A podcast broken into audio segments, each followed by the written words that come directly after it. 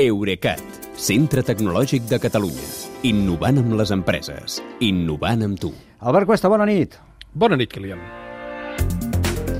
La compra, o suposada compra, de Twitter per Elon Musk obre un nou capítol que, de fet, tu ja ens havies anticipat fa dies. Ja vas dir que podia passar. El multimilionari ha suspès temporalment, aquí la paraula clau de moment sembla és temporalment, l'operació. Musk assegura que ell continua interessat a comprar Twitter, però que ho atura fins que s'hagi aclarit una discrepància amb la quantitat de perfils d'usuari que són falsos. Uh, les successives memòries trimestrals de resultats econòmics de Twitter sempre situen aquesta quantitat al voltant d'un 5% del total.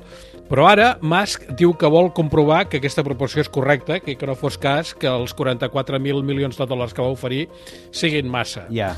Uh, vist així, l'argument sembla raonable, però és que ja fa dies, per no dir setmanes, que alguns inversors diuen que això dels perfils falsos sembla més una excusa de Musk per fer-se enrere amb la compra sense haver de pagar els mil milions de dòlars de penalització que contempla el preacord si és que l'operació no arribés a bon port.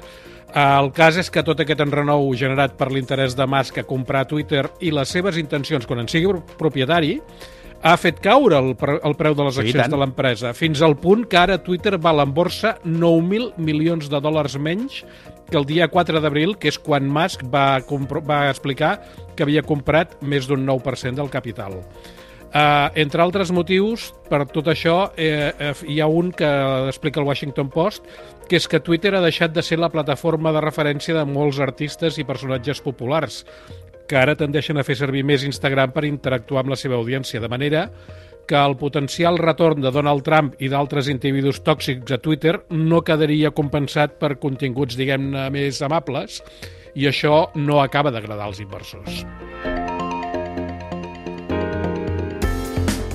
De manera que entenem que hauria de posar més diners de la seva butxaca per comprar a la xarxa social, seria això? Sí, sense inversors, sí, de la seva butxaca o a compte de les seves accions de Tesla, que de resultes d'això també s'estan veient afectades. I per això, potser, Musk podria estar repensant-se si el seu caprici de controlar una xarxa social li surt o no tan a compte com esperava.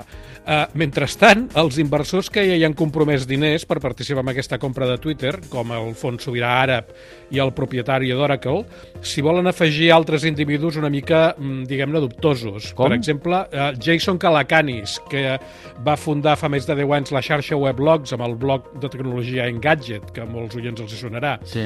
Doncs aquest tal Calacanis, que de fet és amiguet de Musk, ha creat un fons per recaptar capital eh, entre magnats digitals que han d'aportar un mínim d'un quart de milió de dòlars cadascun.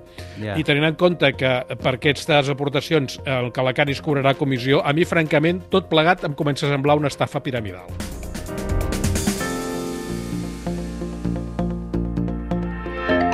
Molt bé, i ara sí que ens posem a les teves mans perquè volem saber com creus que pot acabar tot plegat, com, com acabarà Twitter, què n'han d'esperar els usuaris...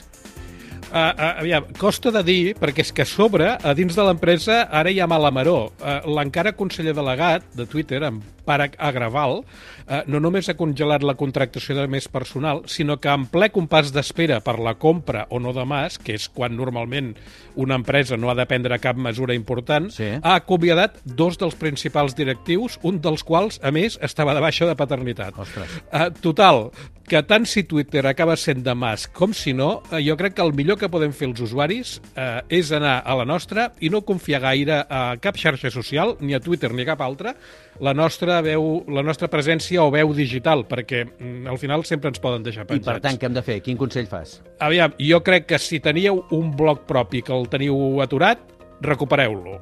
I si no el teníeu, n'obriu un i aneu construint una audiència passet a passet que no depengui dels capricis de cap multimilionari. Doncs ja ho heu sentit.